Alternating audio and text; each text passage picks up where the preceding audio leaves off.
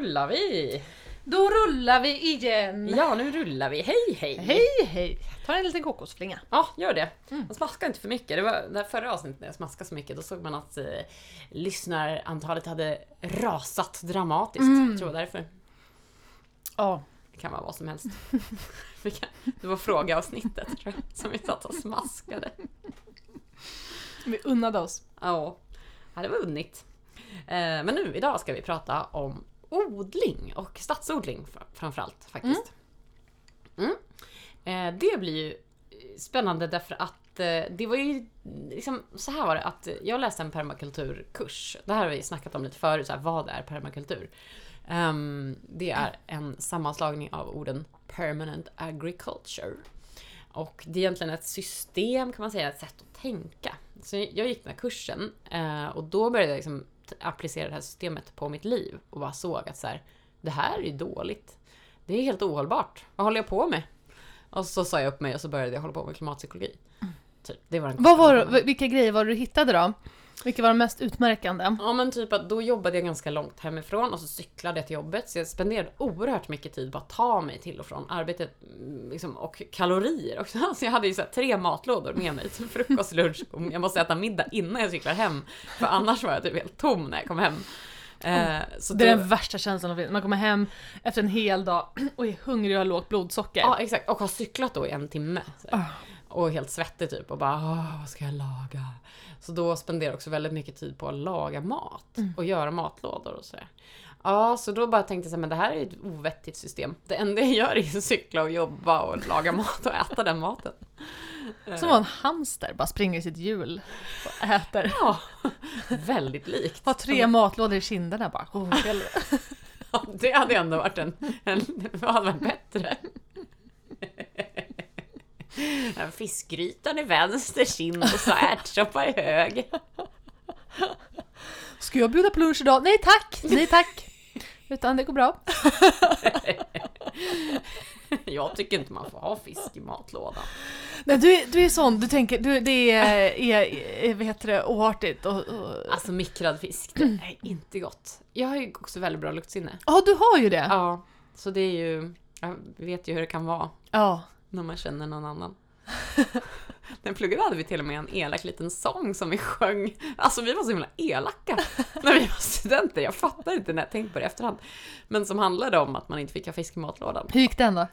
Um, gud, hur gick den? Nej, jag kommer inte ihåg den. Jag kommer bara ihåg att det var någon som bara Alltså ni kanske inte ska sjunga det där när folk står och mikrar sin fisk. Det är ganska Ja, ni taskigt. gjorde det när de hörde också, när de stod och Ja men lite såhär långt bort fast ändå att de hade kanske kunnat höra. Ja, Mm. Jättekonstigt. Det är faktiskt... Så himla då istället för, typ så jävla sjuk så här, konflikträdsla också, istället för bara Alltså förlåt men jag har verkligen svårt för den här lukten så här, Ja. kan du tänka dig typ inte ta fisk nästa gång som Det är verkligen passivt aggressivt. Sitta i andra änden av korridoren och bara Fisken stinker jävla Idiot. Åh fy! Ja, det är mycket som jag tänker på när jag tänker på vem jag var när jag pluggade som är lite skamligt. Men du vet när man pluggar är man inte fullärd. Nej, och man är inte heller mogen. Alltså hjärnan är väl inte klar förrän man är 25. Mm. Så jag får skylla på det. Mm. Precis. Ja, nu är hjärnan klar. Det är skönt. Och perfekt. Mm, och förfaller också gradvis, Ja. känner man ju också. Ja. Mm. Så det var, det var ett kort litet fönster där när allt borde ha smörjts på bra. Mm. Vad gjorde man av det fönstret? Jag vet inte. Men nu förfaller det. Ja, precis. Massa skit säkert bara. Men du la mycket tid det på. Du la mycket tid på cykla och ha med dig matlådor. Ja, Det precis. var det du gjorde Och- när din hjärna funkade som bäst nästan? Ja, det var det ju. Och man får väl också bättre hjärna när man cyklar mycket, eller så här, rör på sig mycket. Mm. Mm. Gud, det var tidigare. Man Mm. hade arbetsminne och grejer. ja, precis. Ja, men då, och då gjorde jag den här permakulturanalysen då. Och eh, insåg att jag skulle ändra mitt liv. Men, och den som jag har intervjuat idag är en av mina lärare från den kursen. Som heter Maria Svenbeck. Mm. Som är, hon är liksom diplomerad, det heter något annat, hon är liksom jättekunnig i permakultur. Sjöng du ofta många, många fisklåten för henne? Nej men hon hade ingen matlåda med Nej. fisk. Nej, för hennes hjärna var också perfekt. Den var klar. Den var klar och min hjärna var klar också då så jag kunde, hade vett att bara hålla käft. Åh vad spännande! Okej, ska vi lyssna då? Ja, vi, vi börjar med att lyssna på en gång. Och då snackar vi alltså idag om odling. Så att förra gången så pratade vi om skogen, liksom problemen med skogsbruket och sådär. Och nu pratar vi om jordbruk och problemen med matförsörjningen. Mm. Så här hör vi henne prata lite om det. Problemet är ju att det är någon annan som odlar vår mat någon annanstans. Eh, och eh, de systemen är ju helt ohållbara ur så många olika perspektiv. Det är, ju, eh, det är ju också när vi odlar på det här sättet, när vi använder mycket maskiner och vi, ehm, vi harvar och vi plöjer och vi frigör massa kol eh, från, som ligger lagrat i jorden eh, som sen blir koldioxid då när det, när det liksom blandas med syre. Så att, inte nog med att det, det Alltså det, blir, det blir inte speciellt bra mat heller ska man ju tänka. Det är ju liksom, de, de, de stöds ju av eh, mycket konstgödsel och ehm, pesticider, herbicider och fungicider, alltså olika typer av gifter liksom för att bara hålla de här systemen flytande. Så, ehm, och det är ju bara det i sig är skadligt för miljön. Och sen liksom själva metoderna man använder när man plöjer eh, och, och liksom lämnar jorden bar och frigör en massa koldioxid. Det är ju liksom, man tror ju att ungefär nästan en fjärdedel av koldioxidutsläppen eh, globalt kommer från matproduktion. Så att visst, det är jobbigt det här att vi måste sluta flyga och, och inte använda bilar och det, liksom, överhuvudtaget eh, konsumera mindre. Men att vår matproduktion eh, orsakar så mycket klimat, eh, alltså en stor, stor klimatförändring är ju ganska chockerande. Så att odla på det sättet är helt ohållbart och eh, direkt skadligt för miljön. Men då tycker jag att då kan man ju samtidigt istället då se det som att då kan man ju faktiskt vara en del av lösningen. Alltså, det enda sättet att vara att äta nyttigt och klimatsmart är att odla själv. Liksom, så är det. Det är liksom steg ett. Det är ju det här som är liksom zon ett, att du kan producera så mycket som möjligt själv. Zon två, alltså om du ska röra dig utifrån din egen, ditt eget boende eller din egen liksom, eh, gård, eller man ska säga, det är ju att du köper från närproducerande bönder, alltså bönder i din närhet som odlar ekologiskt. Det är ju liksom zon två. Även ekologiska tomater från, från Spanien Eh, där man eh, Ja, men vem är det som odlar maten? För det är också en del i permakultur, eh, är ju liksom de här etiska grundprinciperna där vi också ska ta hänsyn till liksom människan i systemen. Liksom vem, eh, att ta hänsyn till alltså, omsorg om människor och rättvis fördelning. Så att då blir det också problematiskt att köpa de ekologiskt odlade tomaterna från Spanien för de odlas utav ja, kanske illegala immigranter från, från Afrika och så vidare under ganska ja, som lever under ganska jobbiga förhållanden. Men om mm. man istället då vill kunna producera själv, vad ska man tänka på då? Men det, jag tror att det viktigaste är att man bara kommer igång. Liksom. Antingen har man en bit mark eh, eller så kanske man bor i något bostadsområde där man kan få tillgång till pallkragar till exempel av sin hyresvärd eller sådär. Eh, många av de som kommer på mina kurser gör ju det. De, de kanske bor i radhus Eh, och hittat en liten plätt mellan gårdarna där så de tycker att det här är ju ingenting som någon använder. Eh, och så kontaktar de då ehm, sin hyresvärd eller om det är bostadsrättsförening eller vad det nu är. Så kan man absolut börja. Jag tycker ju alltid att det är bra att man jobbar eh, så nära som möjligt där man bor och gärna tillsammans med andra.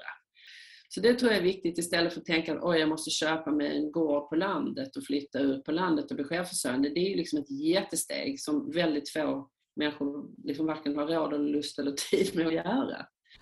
Ja, så är det Man har ju varken råd eller lust eller tid med att köpa en gård. Vad är det för galningar som gör det egentligen? Ja, verkligen. Det är bara konstigt, konstigt folk.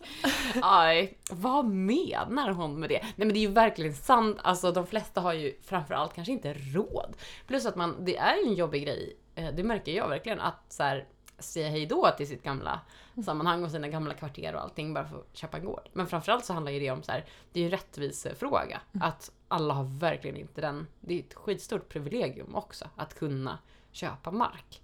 Eh, och sen kanske man kan hitta så billigare mark långt upp, liksom ut på glesbygden och sådär. Men eh, där är det kanske också, det finns ett skäl till att det är billigt för att det är långt ifrån.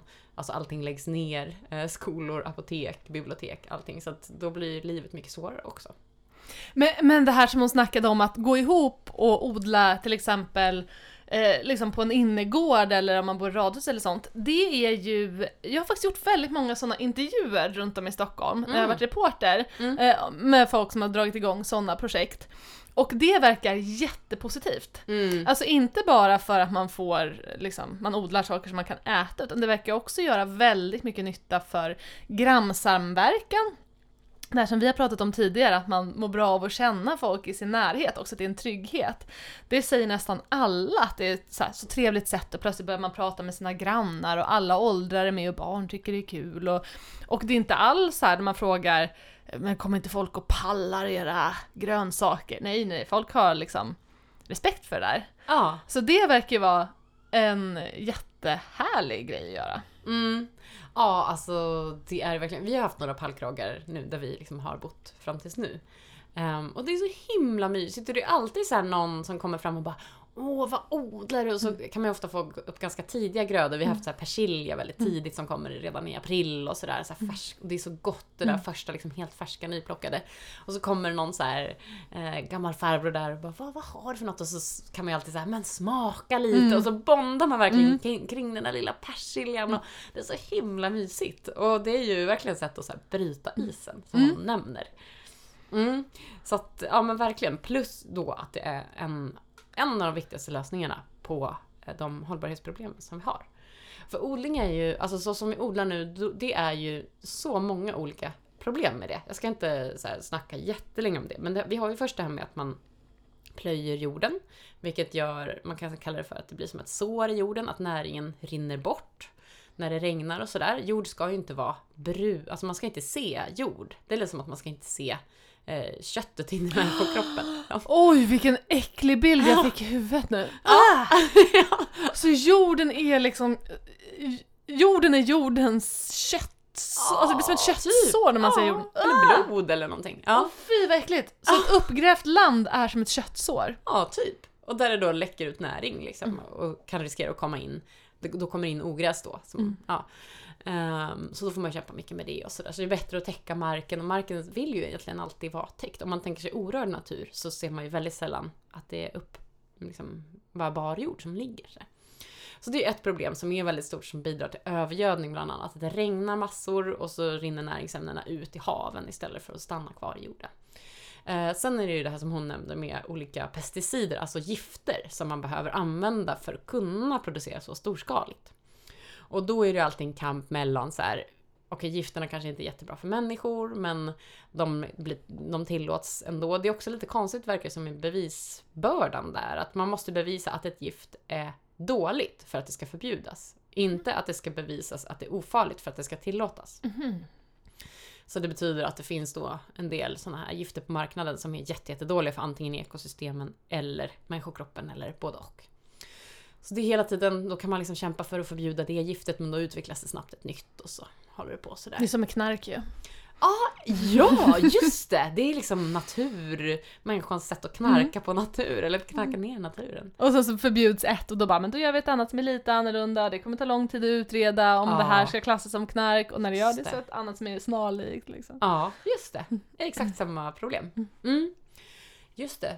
Ehm, och sen så, vad har vi mer? Ja, eh, dels att man plöjer, eh, gifter, ja konstgödsel också. Alltså att man behöver då, eftersom gifterna, eller eftersom näringen rinner iväg så måste man hela tiden tillsätta näring. Och då är det konstgödsel och det är jättemycket problem med tillverkningen av konstgödsel. Och vissa delar i det är också en ändlig resurs. Det kommer ta slut så det kommer inte gå att hålla på sådär hur länge som helst heller. Och sen är det också väldigt eh, energiintensivt, alltså det krävs en massa fossilbränslen för att kunna tillverka det. Um, mm. Så det är några av de här stora problemen som vi dras med. Eh, och lösningen där handlar om väldigt mycket om så här småskalig odling. Ja men gud, men det låter ju inte tillräckligt att alla har en pallkrage på sin innergård. Nej, precis. Så det där pratade vi faktiskt lite om. Vi kan ju lyssna på det på en gång också, för här kommer del två av, av intervjun. Åh, Vi fortsätter prata om liksom, hur ska man komma igång och hur ska här man... kändes nästan som en eh, planerad övergång, men det var det inte. Ja, det var helt spontant. ja, det var faktiskt Ja, det var det. fast också lite planerat. Ja. Här kommer det i alla fall. Så att odla där man är liksom. Och eh, har du inte ens tillgång till mark så kan du odla på balkongen liksom, eller hemma i köksfönstret eller någonting. Jag tror att det viktigaste är att man bara kommer igång. Speciellt om man är lite ovan och nybörjare.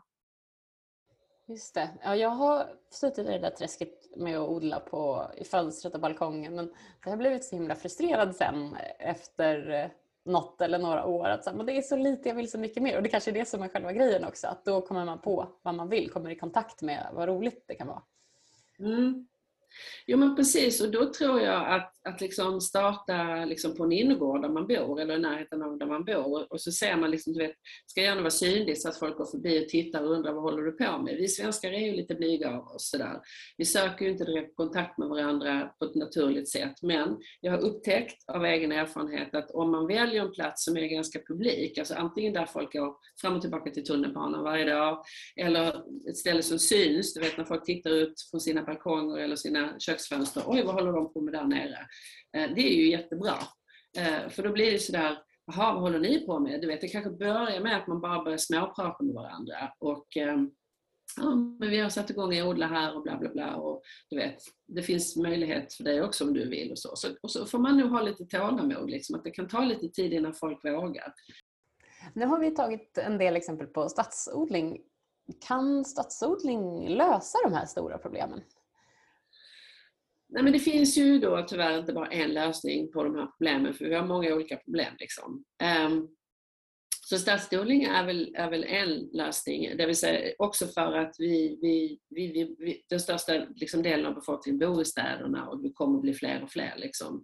Men, um, men stadsnära odling är ju liksom det här konceptet att alla ja, men du får liksom alla villaområden som ligger i utkanten av städerna till exempel, det finns ju massa gräsmattor som kan utnyttjas um, och um, att odla på. Liksom. Um, och sen så, ja, men så, och så flytta ut och liksom till, till landskapen eh, precis i utkanten av storstäder. Vad är det för som är speciellt med permakulturodling om man jämför med eh, traditionell odling? Ja, men det är just det att det inte bara handlar om odling. Jag tror att det är det specifikt. Men, um, så det är de här sociala aspekterna också.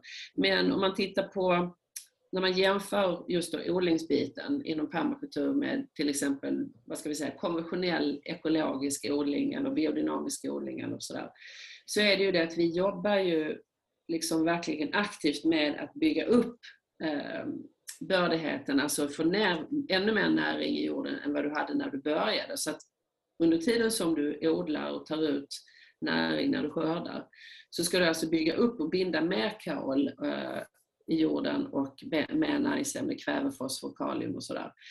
Och hur gör man det? Jo, vi tittar ju liksom på skogen. Det är ju liksom, det är liksom naturens egna ekosystem har ju gjort det här i hundratals, tusentals år. Och, eh, så vi brukar alltid titta på hur ser en skog ut. Skogen är ju alltid täckt.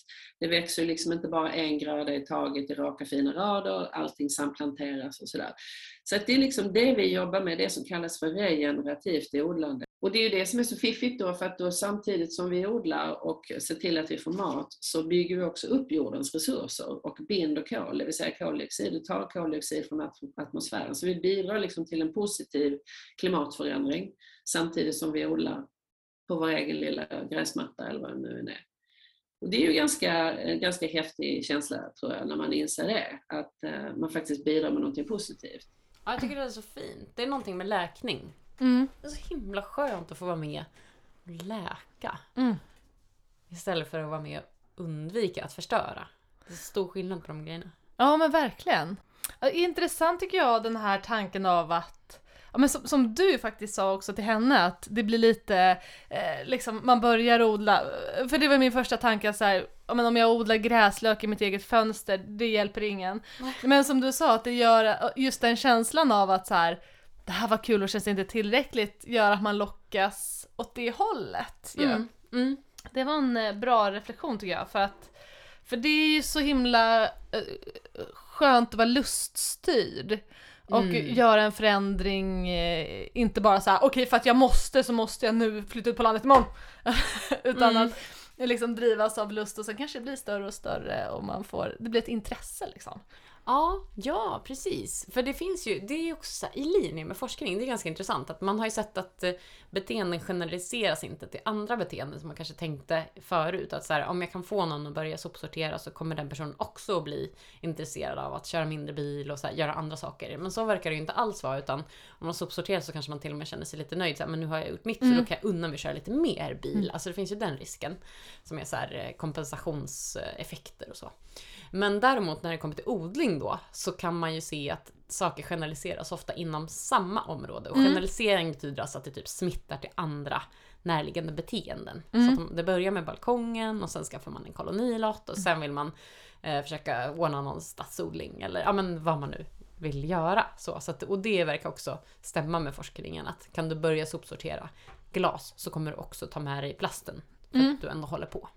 Och det känns, odling känns ju mer som ett intresse än vad sopsortering är. Oh ja! Det är, så, alltså, det är få som bara, gud min hobby är sopsortering. Alltså det är det som jag verkligen brinner för.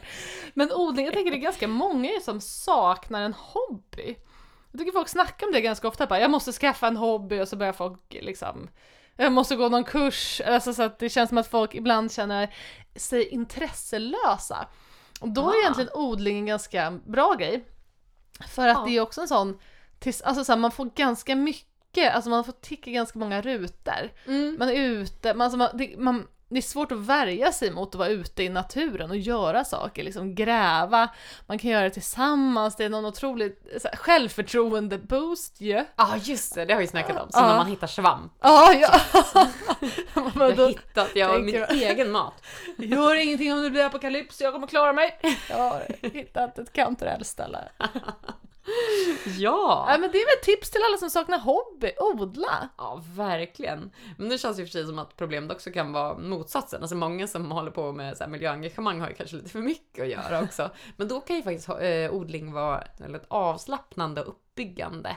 Att man faktiskt också hittar mer harmoni och lugn. Jag kollade lite på det där, så här, vad finns det för studier som, liksom, för samband mellan livskvalitet och odling och sådär. Och då visar det sig att det finns inte jättebra gjorda studier. Alltså, för att en studie ska vara ganska bra eller räknas som en grundläggande så här, bråhetskriterie så vill man ju ha det som kallas för randomiserad kontrollerad studie. Det vill säga att typ en person fick eh, medicinen och en fick ett sockerpiller. De visste inte vad de fick. En Och- referensgrupp typ. Ja, exakt. Som ändå fick något som de trodde. Alltså det får inte vara att de bara inte fick ingenting. Ja. Och så ska man då slumpas i de olika grupperna. Um, men det är ju ganska svårt att göra det med naturen liksom. Att så här, du trodde att du fick trädgård men egentligen var det bara Du var inomhus hela tiden. Du grävde din egen ryamatta vet du.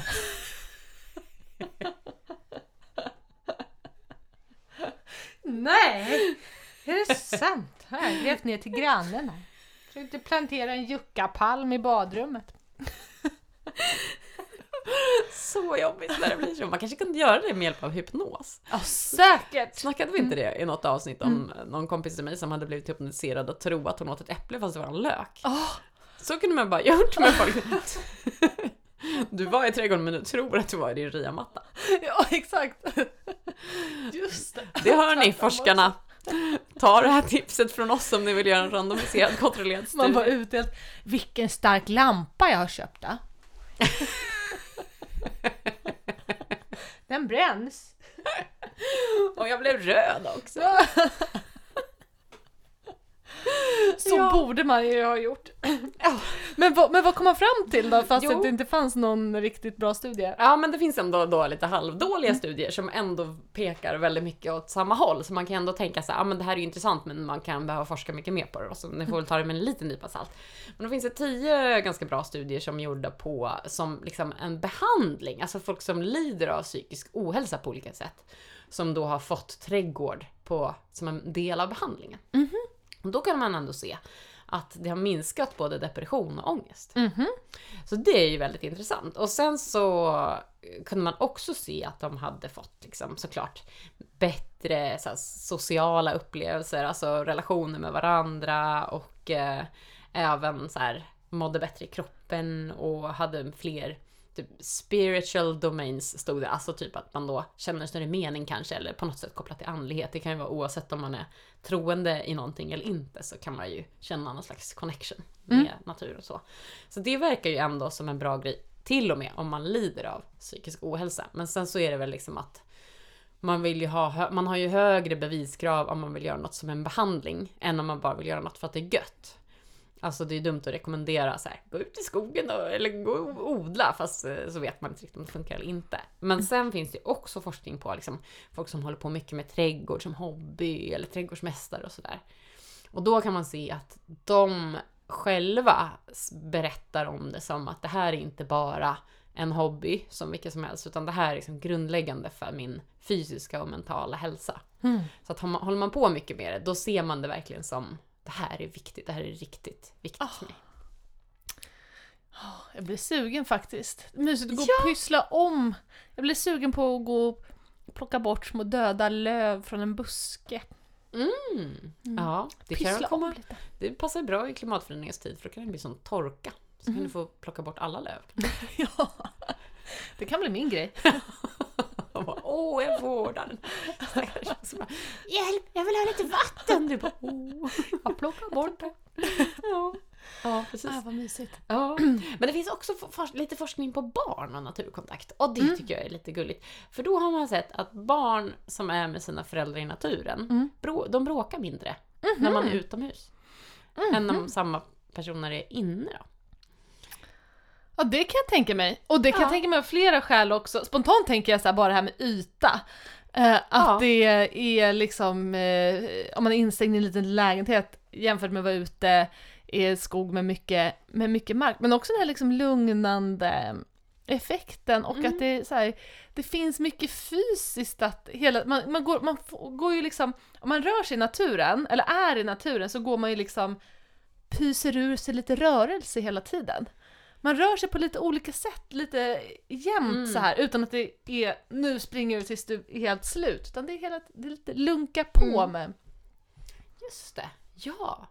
Och det känns ju också som att barn passar ju väldigt dåligt för att vara inomhus. Ja. Alltså de vet ju inte hur man beter sig.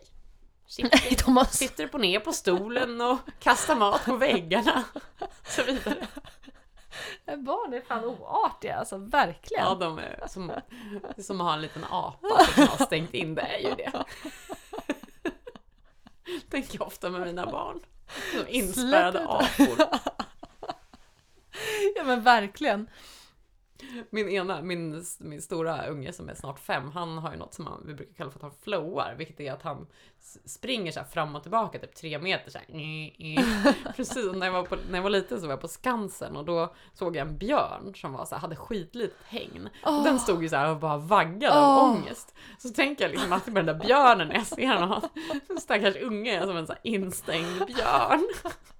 Så släppte ju ut honom i så stenåldersvecka i somras. Ja.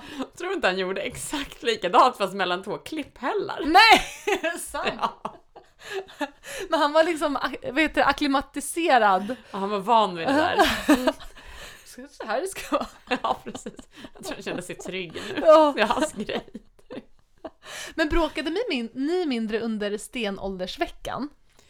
Eh, alltså nej, vi bråkade väl om andra saker. Istället för så här eh, försök att äta med gaffeln så var det ju så här. Du måste bajsa i den här gropen nu. Du kan inte hålla dig. Åh oh. gud, det där var också en dröm jag hade när jag var liten, att vara, vara så här, leva på stenåldern. Ja, jag också. Åh gud, så coolt. Ja, vi Ja. lekte stenåldern hela tiden också. Mhm, Okej, ja, det minns jag inte om vi gjorde. Men eh, däremot så minns jag att jag läste Grottbjörnens folk. och just det, det är ju en sån här stenålderskvinna som eh, är ascool och hittar på massa saker. Hon tämjer en häst och så här. Tämjer ett lejon, gör hon inte det också? Jag har inte läst den faktiskt. Nej okej, ja. ja men, jag vet bara eh, att den är snuskig. Ja, det är lite såhär sexscener. Mm. Alltså väldigt få egentligen, men det kanske inte fanns så mycket sexscener på 90-talet. Så då fick man ju ta vad man, man läser så här 600 sidor miljöbeskrivningar. Sen är det så här ett litet, en liten onani-scen. Men det känns som att det är många som har den som referens, att såhär grottbjörnens folk. Säger en del Ja. hur, hur lite snusk det fanns i övrigt kanske. Ja, jag tror det faktiskt. Ja, någon gång hade jag, jag hade hört talas om, det fanns en bok som heter Rädda att flyga som var väldigt snuskig också. Mhm. Så jag försökte läsa den för att få tag på det här snusket, men Ja. jag gav upp innan det blev, Innan det hände något. ja verkligen, den var ju jättetråkig bara. Det var någon hämmad psykolog typ.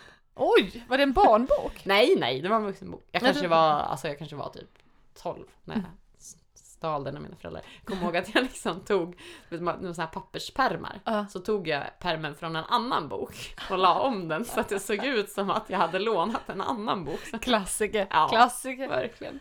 Porrtidningen i serietidningen eller hur? Ja, exakt. Ja, precis. Men det var, jag kan inte rekommendera den om man vill ha en sexuell upplevelse.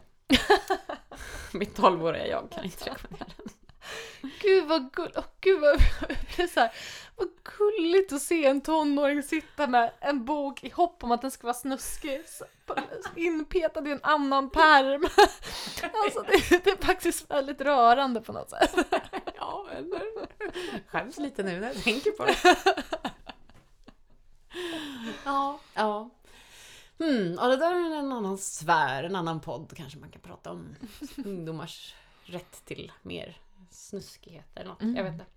Eh, ja. En till grej med om barn och eh, natur i alla fall är också så här att eh, ju fler timmar barn är ute i naturen desto mindre hyperaktiva skattas de av sina förskolepedagoger. Eh, och på individnivå liksom, alltså att man ser att så här, men de här barnen har varit ute många timmar och de är mycket mindre hyperaktiva. Så det verkar liksom som att det med hyperaktivitet är ju lite så här en inomhusdiagnos också. Mm. Ja. Sant faktiskt. Gud, jag minns känslan, alltså den bästa känslan, när man hade varit ute länge. Typ, jag kände så här, typ åkt pulka. Man hade sprungit upp och ner i pulkabacken, åkt, åkt. Jag ser framför mig man kommer in när det är mörkt, alltså man har åkt tills det var mörkt ute. Man har lite så, det, lite så här kylbränner i kinderna och man har verkligen, man är helt slut av att man har skrattat, sprungit. Och sen kommer man in och sätter sig i soffan och är så här tömd. Ah. Mysigt. Ja, verkligen så skönt i kroppen. Ja. Ja, men jag, kom, jag jobbade i ett forskningsprojekt eh, ett kort tag som är extra knäck då jag skulle åka runt i skolklasser och titta på hur många, var det nu då? Liksom hur mycket oordningsamma beteenden barnen gjorde för och efter en intervention. Mm. Och då var jag ju så här, ett, alltså de var ju sju och åtta år de här barnen. Och så skulle jag kolla på dem i typ eh, två gånger 15 minuter eller något sånt där. Och då så, i början efter rasten så satt ju alla stilla liksom. Och sen såg man efter så här 10 minuter så började så här någon vrida på sig efter 20 minuter ungefär så var det ju ingen som satt. Alla satt bara och vred på sig. Vissa satt helt så här snett typ med huvudet så här hängandes ner från bänken typ och sådär. Alltså barn är ju inte gjorda för att sitta i en skolbänk. Men typ du och jag, alltså vi spelade in två poddavsnitt på rad, mellan dem så gick vi och dansade emellan ju. Ja, och precis. öppnade fönstret och bara Ja, Man kan inte heller sitta still alltså. Nej, nej, man är inte gjord för det. Jag tycker också att man mår så bra om man är så här, jag tycker typ tre timmar. Om man är ute tre timmar på en dag. Mm. Då är det något som händer igen. Det blir som bra då. Är det gyllene gränsen tre timmar? För mig är det det. Jag vet inte om det finns någon forskning på det eller sådär. Men ja, jag tycker i alla fall att det är jätteskönt. Gud, ibland slås jag av att saker kanske är mycket lättare än vad man tror. Alltså, Ja. du vet så allt så här, åh, alla så här, åh, kämpar så mycket med så här, hitta meningen med livet, folk är deprimerade, folk har liksom ont och smärtor i kroppen och så här. Tänk om det, väldigt mycket av det bara är att så här, vara ute och röra lite mer. Ja, precis. Ja, precis. Eller, ja, precis. Ja, var ute och rör dig i ett meningsfullt sammanhang. Mm. Bidra med saker. Mm. Ha ett sammanhang där du inte behöver skapa den här meningen, Mm. utan den finns redan där. Ja, Ja. och så, så man letar liksom med alltså allt möjligt annat, men så att det liksom egentligen är ganska enkelt kanske. Ja men på ett sätt verkligen. Det kan jag känna ibland som psykolog också. Att man träffar folk som är så här i ekorrhjulet och kämpar så himla mycket för att få ihop vardagen och känner så här, men jag fattar inte, jag har ändå allt men jag är, allting känns meningslöst eller jag är ändå deppig eller jag har ändå ångest och så här. Ja men hur bra passar det här livet Mm. dig då? Egentligen. Så Mm. får man liksom jobba med det snarare än att man ska jobba med en depressionsbehandling. Ja för det men precis! För om man tänker så här många som är lite så här deppiga hela tiden, men det blir bra på semestern. Ja men vad händer på semestern? Man tar det lugnare, man umgås mer med folk man tycker om och man är mer utomhus. Mm, just det. Mm. Och då är det så här, ja men det, då är det ju semester. Man bara, ja men det Ah. kanske finns något litet svar där. Just det. Och det är väl därför det är många som får en sån här livskris också när semestern är slut. Mm. Det är Så här, vad håller jag på med egentligen? Mm. Och sen efter en vecka så har man så här vant sig igen. Ja. Och så man har vant sig, men man känner fortfarande så här, man mår inte bra. Och så försöker man komma på, vad är det, vad är det jag måste göra då? Vad, vad är det man måste göra? Mm. Man bara, men du vet egentligen, för du hade det bra förut, för Ja. en vecka sedan. Mm. Ja. Men det är bara, "Ah, jag måste kanske, måste kanske uppgradera, nej vad heter det, rekryteras. Va? Måste man rekryteras? Nej inte rekryteras, Till vad? vad heter det, befordras. Men befordras. Ja, okej. Rekrytera mig! Det var vad som helst. Ja, vad var du ville ha hjälp med? Vad hade sökt? Jag tror jag måste bli rekryterad. Det var fan som helst, en sekt eller vad? Men eh, när du jobbar med patienter och sånt där, eh, ordinerar du ofta så här, skogspromenader eller sådana saker? Nej, inte så himla ofta. Men däremot när jag har jobbat med grupper, Mm. så typ på sjukhus och sådär, då har jag ofta tagit ut dem. Mm. Alltså typ att nu är det mindfulness-träning. Då gör vi det ute. Mm. Så får man liksom dubbel effekt av både få kontakt med naturen och öva mindfulness på samma gång och sådär. Mm. Och sen eh, ibland har det också hänt när folk har väldigt mycket ångest. Alltså att man märker att de typ har svårt att sitta still och de trivs Mm. inte ens i stolen så. Mm. Då kan man ju ta en promenad istället och Mm. prata. Liksom börja terapin där tills de lär känna en och att det känns lite tryggare och så. Det är ju väldigt härligt för mig också. Jag älskar det. Och det tycker jag också är väldigt fint för folk som jag har gjort det med, de är ju såhär ja, jag visste inte att man kunde få ta terapin oh, det går bra. Ja, men faktiskt vilken bra grej. Mm. Sitta, man ska ju ta terapin vid en lägereld typ. Åh, vad mysigt. Mm. Ja, jag såg något projekt, eh, det var i något afrikanskt land. Jag kommer inte alls ihåg mycket av det här projektet, men det handlade i alla fall om att man skulle få sitta på en bänk med en äldre kvinna som så här lyssnade på en. Åh, oh, vilken dröm! Hur? Och som var så här klok Ja. liksom. Så hon var ju inte psykolog men hon liksom ändå, det hette något med så här, sitta på bänken Ja. och prata projektet ungefär. Eh, och att det verkade som att de som fick göra det fick mycket, de fick så här hög livskvalitet och att det var så himla schysst att bara få bli lyssnad på också. Ja. Gud, finns inget bättre än en gammal kvinna som lyssnar på vad man säger. Nej. Och Och som- utomhus. Utom, och som Ja. dessutom har inställningen av att vara så här. jag blir inte orolig för dig. Ah, det är lite så, det är som det är. Ja men det är bra, det ordnar sig. Alltså det är inget bättre. Det behöver man ibland. När jag var ung, ja, du ska, när du blir äldre då kommer du inte tänka på det här på samma sätt. Och jag vill typ vara en sån kvinna själv. Ja, men du får jobba på att bli det. Ja, jobba på att bli äldre framförallt. Ja. Jag tror inte du behöver jobba särskilt aktivt, det kommer ske naturligt. Det tar lite tid bara. Mm, precis. Men en grej som är sorglig i alla fall med de här hyperaktiva, eller ohyperaktiva barnen, Mm. är att man ser att när de börjar skolan så blir de hyperaktiva igen. Mm. Då spärrar man liksom in dem. Mm. Där finns ju eh, väldigt mycket mm, olika tankar om det där, bland annat Kate Johnston. Han är eh, en guru inom improvisationsteater och har skrivit böcker på ämnet. Och han är lärare också från grund och botten och han har mycket utvecklat så här, eh, ett av de liksom, kändaste improsystemen som finns, hur man ska tänka med improvisationsteater. Och han eh, kritiserar ju hela skolsystemet jätte- jättemycket av den anledningen att man bara man klipper av så många olika sinnen liksom. Att bara sitta, och det här vet ju, det här pratar ju folk om på massa olika sätt och många är ju ganska överens om det sjuka i att dessutom små barn så här, men du, du får använda ett sinne, eller två sinnen, det är syn och hörsel. I övrigt Mm. ska du sitta stilla, du ska liksom inte vara aktiv på något annat sätt. Ja, just det. Och det finns ju väldigt mycket som kapar kreativiteten i det. Och Mm. om man då utgår från improvisationsteater som ju bygger väldigt mycket på att man måste ha tillgång till sin kreativitet.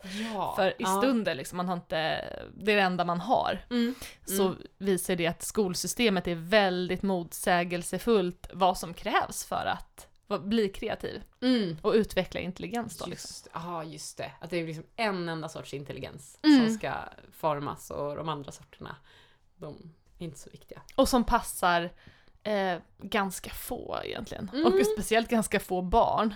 Ja, just det. Ja men det, det blir ju lite som det som både Maria Svenbeck pratade om och sen eh, Mikael Karlsson i förra avsnittet. Att man liksom hugger ner skogen och planterar en enda sorts träd eller Mm. en enda sorts grödor på ett jättestort fält. Ehm, det är inte lika samma tänk. Mm. Ja, verkligen. Det är det. Verkligen. Och också sådär, det är ju... Om man tänker på alltså så här, hur barn lär sig från när de föds, Mm. så är det ju väldigt mycket så här känna, smaka, stoppar in grejer i munnen eh, och testar och liksom gör... Alltså innan barn kommer till skolan så är det ju väldigt, väldigt lite av bara sitta och lyssna. Till och med när man läser en bok för ett barn så är det ju ganska mycket dialog. Just det. Att barnen Mm. säger saker, alltså så det är Mm. väldigt, väldigt få tillfällen som ett barn innan har bara lyssnat, lyssnat, lyssnat. Och så plötsligt är det det enda som gäller och allt annat är dåligt. Just det. Men vet du vad jag kom på nu? Alltså det vi gör mot naturen gör vi också mot varandra. Berätta. Ja, Att vi gör monokulturer av oss själva på samma sätt som vi gör det av skogen eller odlingar. Gud vad sant! Ja. Vad mysigt det kommer bli sen när vi slutar med det. ja, ja men verkligen! Att kl- att gör liksom varandra två endimensionella. Ja. Och bara så här, det är den här lilla delen av dig som är accepterad. Mm. Allt annat ska du klippa av och stänga av för att det passar inte i det här. Just det. Ja. Mm. Ha. Jaha! Sorgligt. Ja. ja. Men som Maria Svenbeck sa så är det ju så här, men det är så himla intressant att man faktiskt ändå ganska lätt kan börja vara en del av, i alla fall en början på lösningen också. Men då tänkte jag vi skulle kunna prata lite om också hur, om man tänker då, för vi har ju pratat lite om det i vissa avsnitt så här, att uppnå förändringar på lång och kort sikt eller på individuell och kollektivt plan. Mm. För då kanske man tänker så här, ja men på individnivå då är det ju ändå det här liksom att jag odlar i min egen pallkrage. Eller som jag gör, liksom att jag skaffar en gård, liksom flyttar ut ur stan och sådär. Det är fortfarande ganska mycket på en individnivå. Eh, det löser liksom inga samhällsproblem att man ser till sin egen, sitt eget arbete. Eh, men om man, om man då vill flytta upp eller flytta engagemanget till att mer hamna på ett system eh, eller systemhåll, då kanske man mer ska tänka att man ska, förutom att man då det finns ju vissa som gerillaodlar till exempel. Att man bara helt enkelt tar en plats och så planterar man träd där. Och så är det ingen som klagar för att det är så himla härligt med träd. Då har man ju börjat så här göra någonting med hur man tänker på allmän mark. Mm. Och då har man ju på ett sätt påverkat på ett annat Mm. vis. Och sen så kanske man efter ett tag går till kommunen och så, så säger man Jag har odlat här. Mm. Vill ni kolla? Mm. Kan vi inte göra det här till en park som är Mm. fri för odling för allmänheten? Eller en fruktträdgård eller vad det nu är. Och då har man ju ändrat lite mer så här vad man får göra med mark generellt. Eller eh, om man då lobbar på sin kommun att skapa ytor eller nu tror jag faktiskt Stockholms kommun, de har sagt så här att man får söka tillstånd och, och kan få det ganska lätt på nästan all eh, så här, överbliven mark inne i stan också. Att man kan få tillåtelse att Vad, odla vad och så här, göra och sådär. överbliven mark? Ja men så här en liten remsa i någon allé typ Mm. eller någonting sånt. Alltså mark som inte är så här väg eller parkering eller sådana grejer. Har jag förstått det som i alla fall. Ehm, så att det är ju ändå en så politisk lösning också som har gjort, egentligen har gjort det mer tillgängligt för väldigt många att kunna eh, odla. Men sen tror jag inte kanske att det är jättemånga som vet om det eller gör det. Men, Men jag hade ingen aning om Ja. det. Nej. Men att, och det kanske också handlar om att man kanske måste göra mer än att bara tillgängliggöra mark. För det kanske är svårt att bara så här. Okej, men då köper jag en pallkrage så lassar dit massa jord som kommer med lastbil och det finns en massa andra hinder också som behöver lösas för att kunna få ett bättre kretslopp i en storstad eller så. Men ändå, man kan ju tänka lite så. Vad gör jag på individnivå och jag, vad gör jag på kollektiv nivå? Det är ju det här som Maria sa också med att orda tillsammans är ju såklart på en annan nivå lite grann än att, att göra det själv. Men också på en politisk nivå. Jag tycker att man ska bygga om husen så att alla har platta tak och så kan man odla på alla tak inne i stan. Ja just det, det är ju en jättestor rörelse i USA ju. Är det det? mycket mer vanligt med platta tak. Jaha! Att de vill eh, börja odla där Ja, eller? det finns liksom en stor så här, takodlingskultur Ja. i USA. Men jag tror inte det är så bra i Sverige. Dels är det väl väldigt snyggt med lutande tak. Det är ju något så härligt med den här formen, att husen formas lite mer som ett berg än som en låda. Aha, aha. Men sen är det väl, handlar det också om snö. Alltså att det är inte är så bra när det kommer så stora mängder snö på ett platt tak. Mm. Men det finns ju. Hon, Maria Svenbeck hon har jobbat med ett takodlingsprojekt i Stockholm på Östermalm. Där finns det Aha. något platt tak där de har en eh, stor odling. Ja. Mm. Med lite bin och grejer. Trevligt. Mm. Blir östmalmarna arga. "Äh, Geting igen! Åh, geting! Vad är det för fräck liten tröja den har på sig? Randigt, ja det är modernt. Hej lille vän, ska du ha en punch? Jag bjuder med dig till Blåporten. Nu kan vi ta en liten lunch du och jag. Lunch, sommarlunch. Fan vad mysigt, hänga med get. Eller ja. Jävla mycket surr på dig hör du. Du får släppa in mig i samtalet, nu är det bara du som håller låda. tips. Dagens Va? tips. Vad var tipset egentligen? Att äta lunch med en geting. Känner du dig ensam? Det kan också vara världens sämsta tips. Faktiskt. Det är typ farligt att äta lunch med en geting. Men jag vet inte vad jag bidrar med till den här podden egentligen. Vi pratade förut om att vi skulle sluta ha gäster och bara ha dig. Ja, ja, ja, Så ja. kom jag på Ska jag bara mycket smarta gissa? lösningar. Jag bara gissar svaret. Ja. Bygger upp en egen lite. Odla på taken bara. Det är kanon. Mm. Nej, nu har jag skrattat så mycket så jag vet inte. Jag vet inte något mer. Det var, Slut på kraft. det var det det. Ja. ja.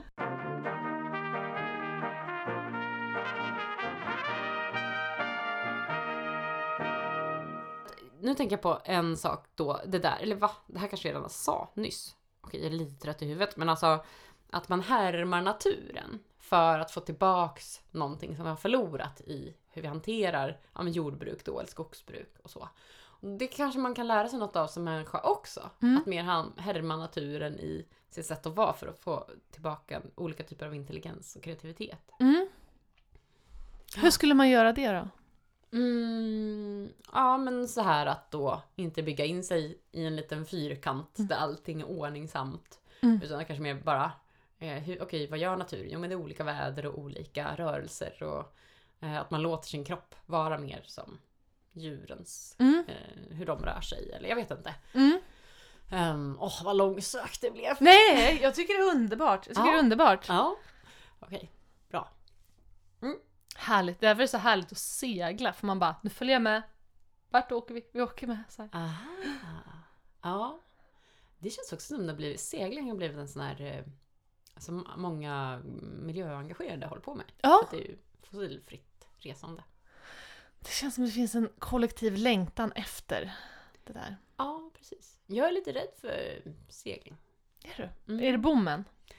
Ja, dels är det bommen, dels är det nog så att man är... Jag älskar ju då så här, träd, att röra mig, typ kunna gå ut och gå en lång promenad. Mm. Och, så här, och när man är på en båt så kan man inte direkt promenera, då är man bara så här... Dum, dum, dum. Jag går ett steg här åt sidan. Nej, nu kommer bommen slå. Ja, man är ju fast verkligen Ja. på det sättet.